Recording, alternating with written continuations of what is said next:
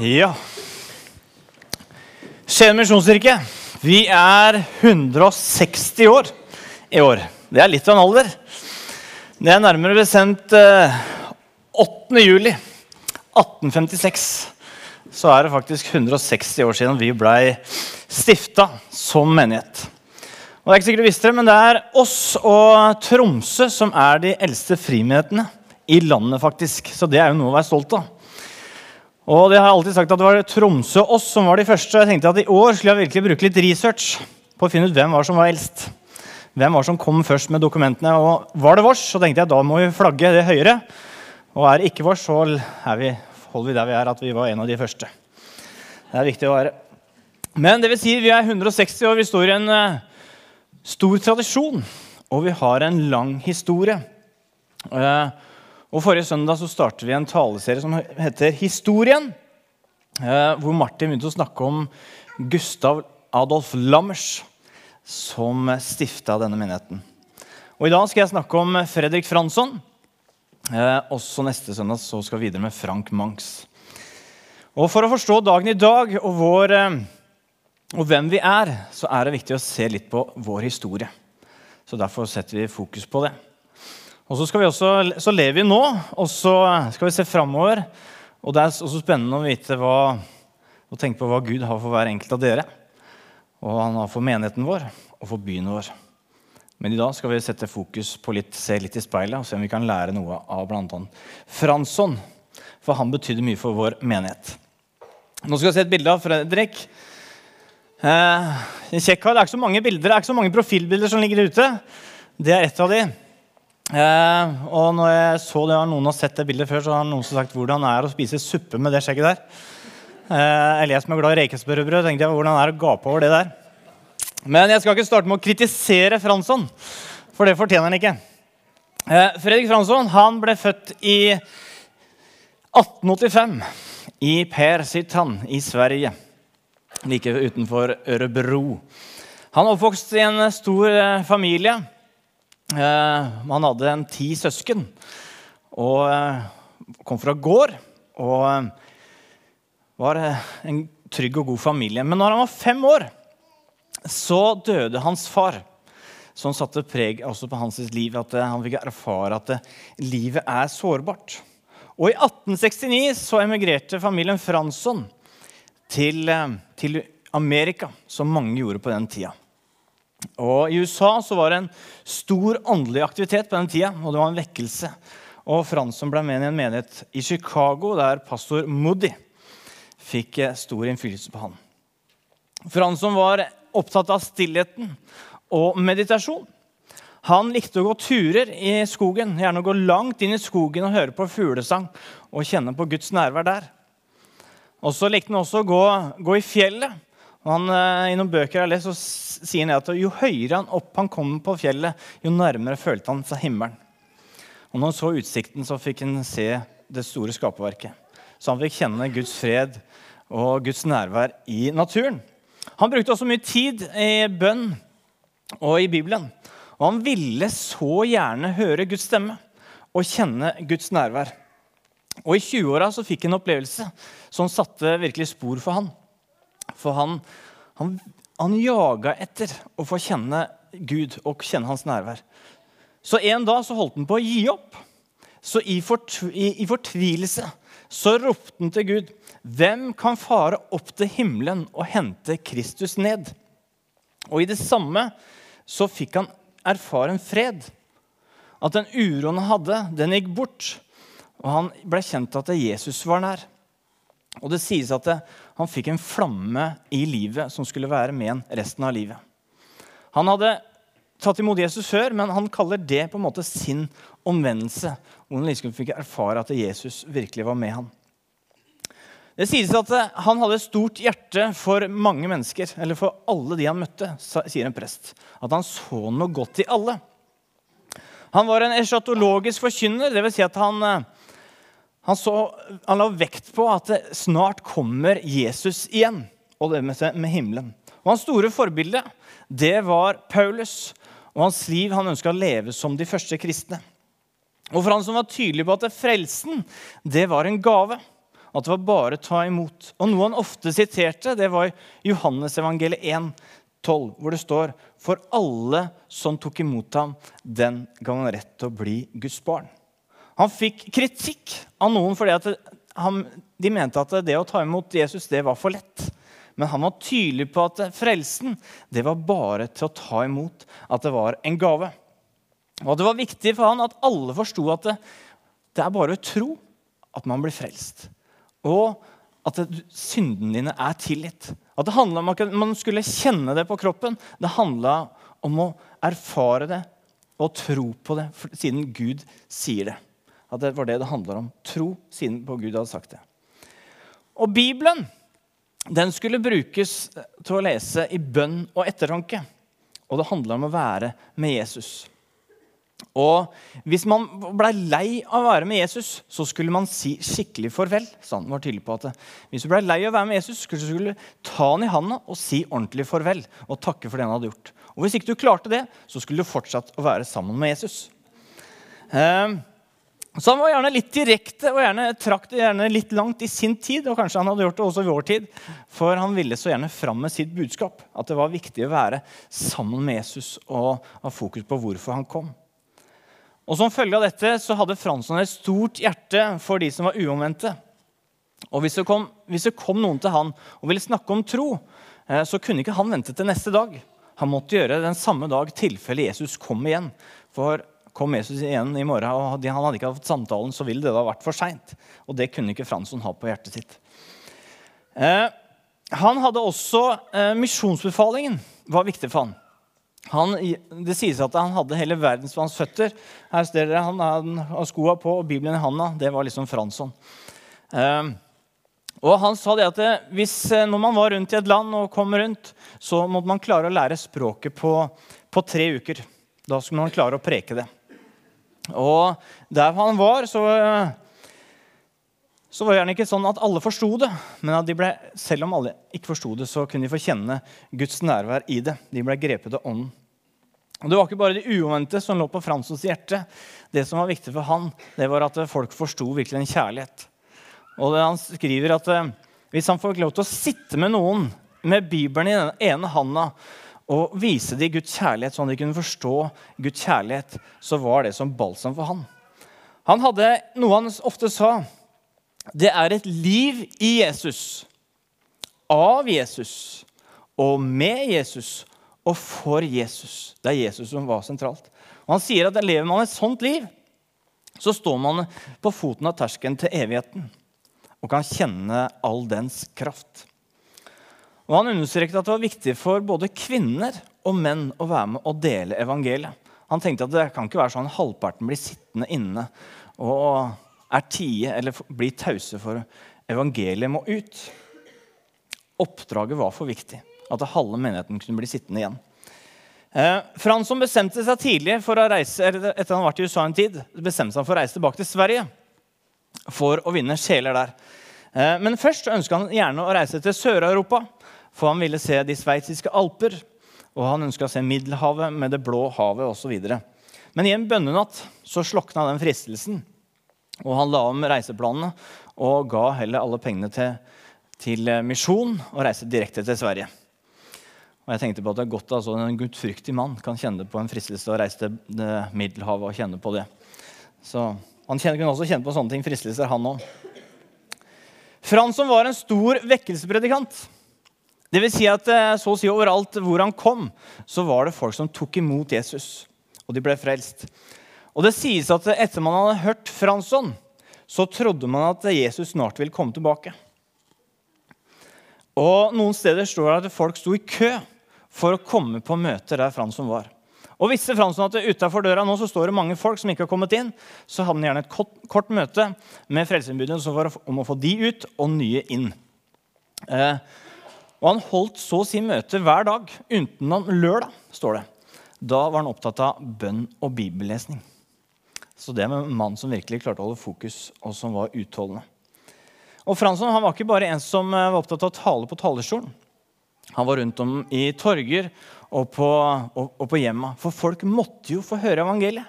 For Jesus kunne komme tilbake. Og det er et par historier hvor det står at han var ute og gikk sammen med noen venner. Og så ser han det kommer ei dame imot også, som springer. Og så sier han nå skal dere be, og så skal jeg gå til angrep her. Og så, så møter han dama med to glass. 'Vil du ha et glass vann?' 'Ja takk.' 'Vil du ha et til?' 'Ja takk.' Jeg vet ikke hvor han fikk glassa på, men han var tydeligvis forberedt. Og så sier han etter hvert, 'Ja, vi møtes ved kilden.' Og så sier 'Ja, vi gjør vel det'. Sier hun, Og så sier han, 'Vil du møte den virkelige, det er han som kommer med det levende vann?' Eh, 'Ja, jeg vil av og til litt religiøs', sier hun. Og så sier han at 'ja, da må du virkelig forstå hva som er forskjellen på religion og frelse'. Og så får hun forstå at det handler ikke om religion, men handler om frelse. og så får hun tatt imot. En annen historie sier at eh, Fransson skulle kjøpe frimerker. Og så sier eh, Fransson til henne, 'Er du frelst?' Og så svarer hun, 'Ja, jeg håper det'. Og så er ikke Fransson helt fornøyd med svaret, så han sier, 'Er du norsk?' 'Ja, jeg er norsk.' 'Ja, Men like sikker må du være på at du er frelst som du er norsk.' Han fikk fortelle at eh, man er, kan være sikker i sin frelse bare ved å tro. Så han strakk, han var kanskje var litt eh, pågående og eh, kan, kunne være litt anstøtelig noen ganger i sin forkynnelse og i sin iver etter å få frelse noen sjeler. Eh, han hadde også et motto hvor han sier 'alt for alle' eh, for om mulig å vinne noen. Så han møtte av og til litt motstand. Og det sies at det der det brøt ut vekkelse, eh, der møtte han også motstand. Og Fransson med sitt eschatologiske syn og påvirkning fra amerikanerne så møtte han spesielt motstand blant lutheranere. Og prestene de begynte å forfølge han, så det ble på en måte en presteforfølgelse overalt der han kom. Eh, folk fikk advarsler mot å høre på han. Det var forbindet med fare om å høre på Fransson, for, spesielt for unge sjeler, står det. Eh, men det var gjerne sånn at jo flere det ble advart mot den, jo flere var det som kom på møtene. Og I noen byer så kunne man få faktisk 50 kroner i bot for å gå på møte med Fransson. Eh, og mange møtte Han ble møtt med stengte dører.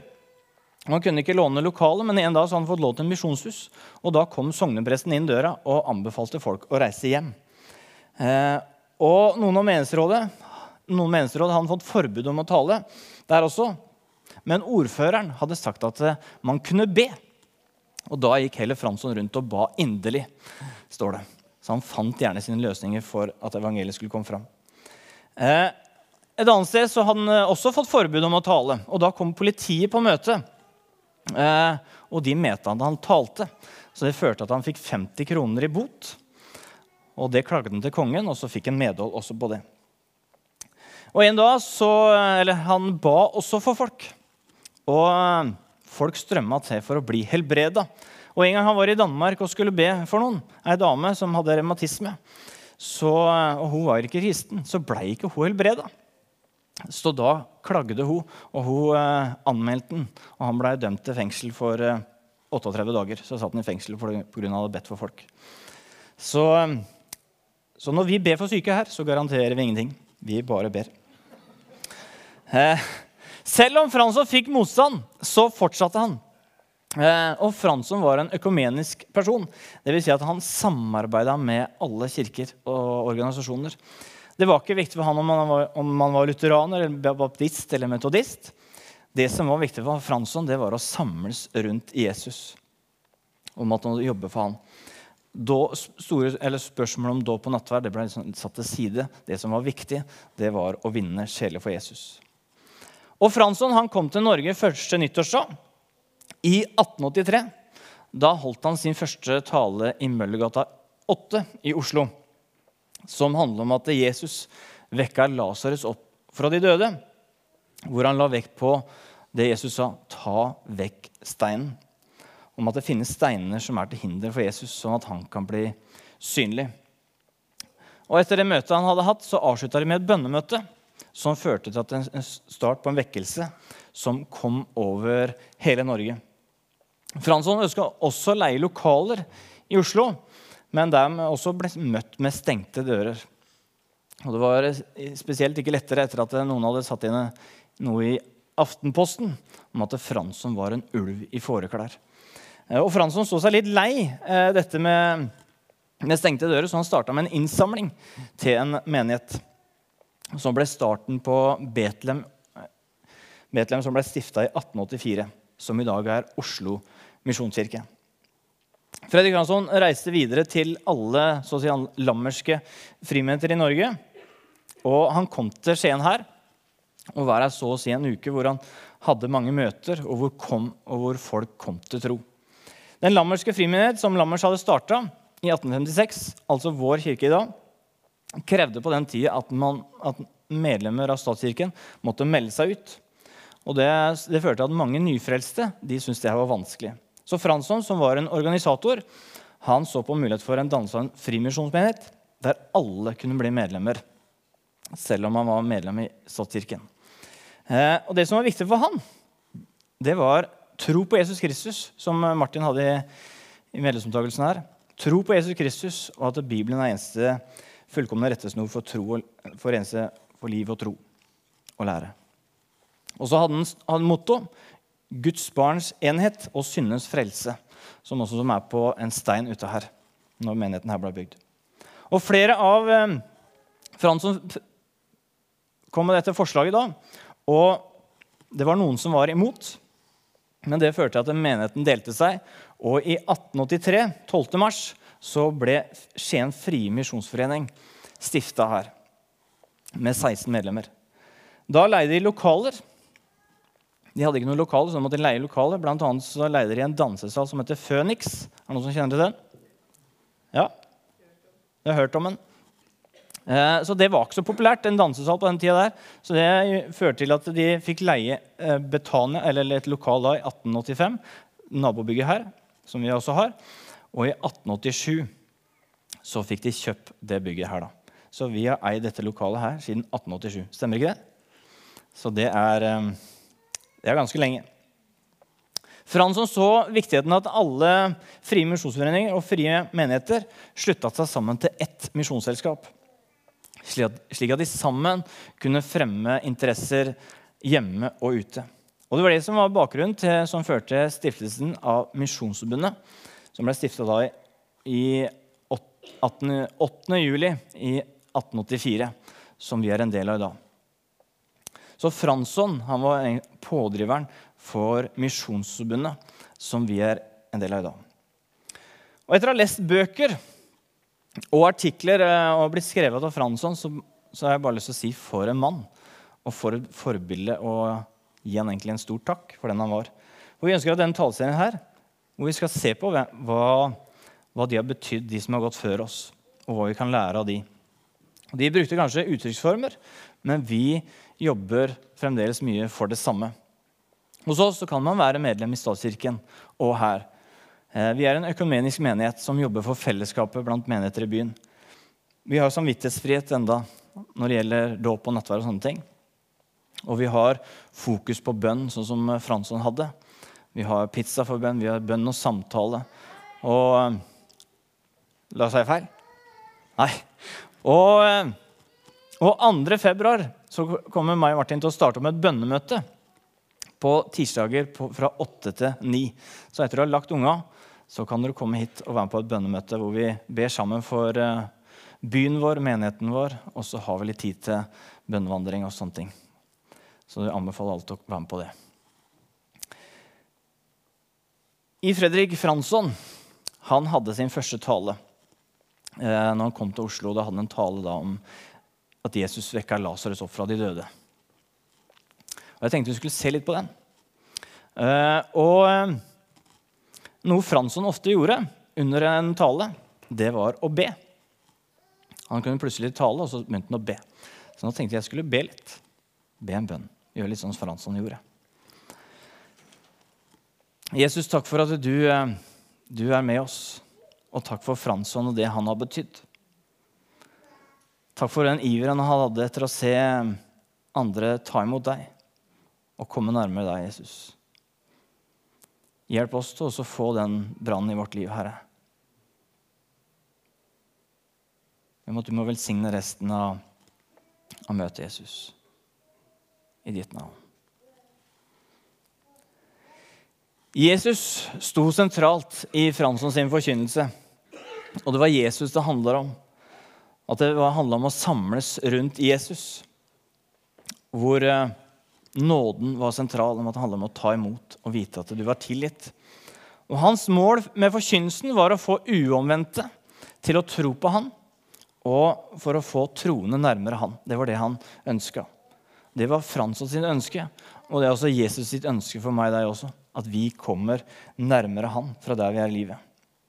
Altså Den talen han hadde, ofte som han vendte tilbake til, det var dette med da Jesus vekte Lasarus opp fra de døde, som vi kan lese om i Johannes evangeliet, kapittel 11. Jesus han var en god venn av Lasarus og Martha og Maria. Eh, og når Lasarus var blitt syk, så sendte Martha og Maria bud på Jesus om at han måtte komme. Jesus var i en annen by. Men Jesus han kom ikke. Og etter, hvert, etter noen dager så dør Lasarus. Og etter fire dager så kommer Jesus til, til Martha og Maria. Og da er allerede Lasarus gravlagt inn i en hule, og en stein er foran. Og da sier Jesus til Martha og Maria i vers 39.: Ta steinen bort. De tar steinen bort, og Lasarus kommer gående ut levende. Og det Fransson la vekt på i historien, og det Jesus sier, er nettopp dette som Jesus sa ta steinen bort. Og Han la vekt på at vi alle kan ha steiner som kan hindre for Jesus, og at hans herlighet skal bli synlig. I Johannes evangeliet, eh, nei, Johannes' åpenbaring 3,20 står det Se, jeg står for døren og banker. Om noen hører min røst og åpner døren, vil jeg gå inn til ham og holde måltid. Jeg med han og han med meg. Når vi velger å slippe Jesus inn i livet vårt, så er det som vi tar vekk steinen fra hoveddøra og slipper den inn. Og I vårt hus så kan vi ha mange rom. Og Utfordringen til Fransson var at vi skulle gi alle rom til Jesus, slik at han kunne få hele livet vårt. Og så Dessverre så kan det være sånn at vi slipper Jesus Det er godt vi, Jesus, vi kan slippe Jesus inn, og så begynner vi å vise den litt her og i det rommet. Og så viser vi den litt og litt etter hvert. Og så kan det være sånn at Men Jesus han kommer ikke helt inn her. Inni lageret her så kommer han ikke inn. Eller det rommet der. Det vil jeg ha for meg sjøl. Og så er det en prosess tror jeg, hele livet hvor vi blir slipt fram og tilbake. Og vi blir jobba med. Og så tenker jeg også at når vi slipper Jesus til, så vil vi se ting kanskje som vi hadde lagra litt her og der. Og så vil lyset komme, og så vil lyset opp. Oi, dette kan jeg også dele. Dette kan jeg også gi til Jesus, osv. Når jeg skulle begynne å jobbe her eh, for en del år tilbake så, og flytta fra Bergen til Skien, så ble jeg minna om at eh, når jeg, vært, eh, når jeg, var ungdom, så stjal jeg litt. Jeg hadde tatt penger fra en kamerat. Og jeg hadde også stjålet penger fra lommeboka til ei venninne av mamma. Og, ja, det er ikke til å le av, nei. Det var ikke noe kjekt å bli minna på det. Men jeg tenkte at dette må jeg gjøre opp. Så da bestemte jeg meg for ok, jeg tar med 200 kroner og kjører hjem til han kameraten og sier til han åssen det var. Så jeg kjører hjem til han, ikke særlig høy hatten, plinger på og sier at ja, for det, da og da tok jeg 200 kroner av det. Han sier ok, du er tilgitt. Og bare smilte og sa så flott. Og så kjørte jeg videre, litt eh, høyere da. Og så ringer jeg på til henne og er ikke særlig høy i hatten og sier det samme. Og så sier hun det er tilgitt. Og så kjører jeg derfra og er så fornøyd. Og så tenkte jeg så deilig. Å gitt det. Og jeg tror av at Det var en stein da som ble flytta fra meg. Og jeg tror av og til så kan vi kjenne på steiner i livet vårt som er der. Eh, om de er store eller små. Som, men de er forhindre for Jesus. da. Og utfordringen som Fransson hadde, og som jeg vil gi til dere, at vi tar vekk de steinene som er til hinder for han. Og så skal du vite at Uansett hvor stor du føler en stein er, så vil Jesus ta den steinen. Det er ingen stein som er for stor. Og du vet akkurat hvilken stein kanskje det handler om. Vi heter Skien misjonskirke. Men for noen år siden så heter hette vi Betania. Og jeg leste inn noen gamle blader, menighetsblader, og der står det at Betania betyr nådens hus. Og jeg ønsker skal vise at det, det har vært nådens hus. Og det kommer til for alltid å være nådens hus her. At her kan du komme med de steinene du kjenner på. Og du tenker nei, det kan jeg ikke gi til Jesus. Jo, du kan det. Så kan du gi det du kjenner på, til Jesus. Gi de rommene kanskje du har stengt i mange år. Kan du åpne opp og si Jesus, her får du det òg. Og så skal du vite at Jesus han sier til deg, 'Jeg elsker deg'. Det der er, for, det er ikke for stort. For meg så er det akkurat det jeg vil ha. Og så skal du vite at du er tilgitt. Gi det til han. Skal vi lukke øynene, skal vi be.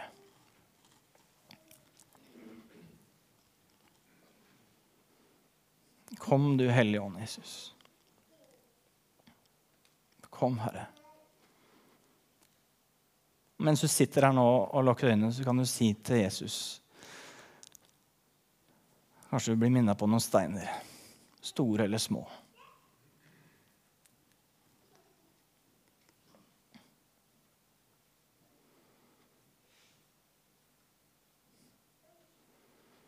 Takk, Jesus, for din nåde. Takk for at vi er i nådens hus. Og takk for at du ser oss. Hjelp oss til å gi det til deg. Hjelp oss til å legge ting av oss. Og stole på din nåde holder. La de få kjenne at eh, de kan gi til deg.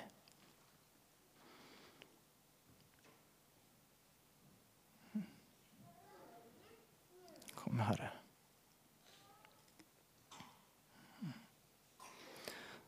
Nå skal vi, par, nå skal vi synge et par sanger sammen. Og mens vi gjør det, så skal du få mulighet til å Hvis du kjenner at jeg vil gi den steinen fra meg, så kan du gå bare fysisk ta handa di på korset og si til det der Her har du steinen min. Eller du kan gå på sida der også bak og si at vet du hva, jeg trenger at du ber for meg. Jeg trenger at du velsigner meg. Og så kan du også skrive en bønnelapp. Så vi vil be for det etterpå. Og så kan du også tenne et lys hvis du kjenner at det er godt for deg sjøl eller noen andre. Så kan vi reise oss opp nå, så er det litt lettere å gå rundt.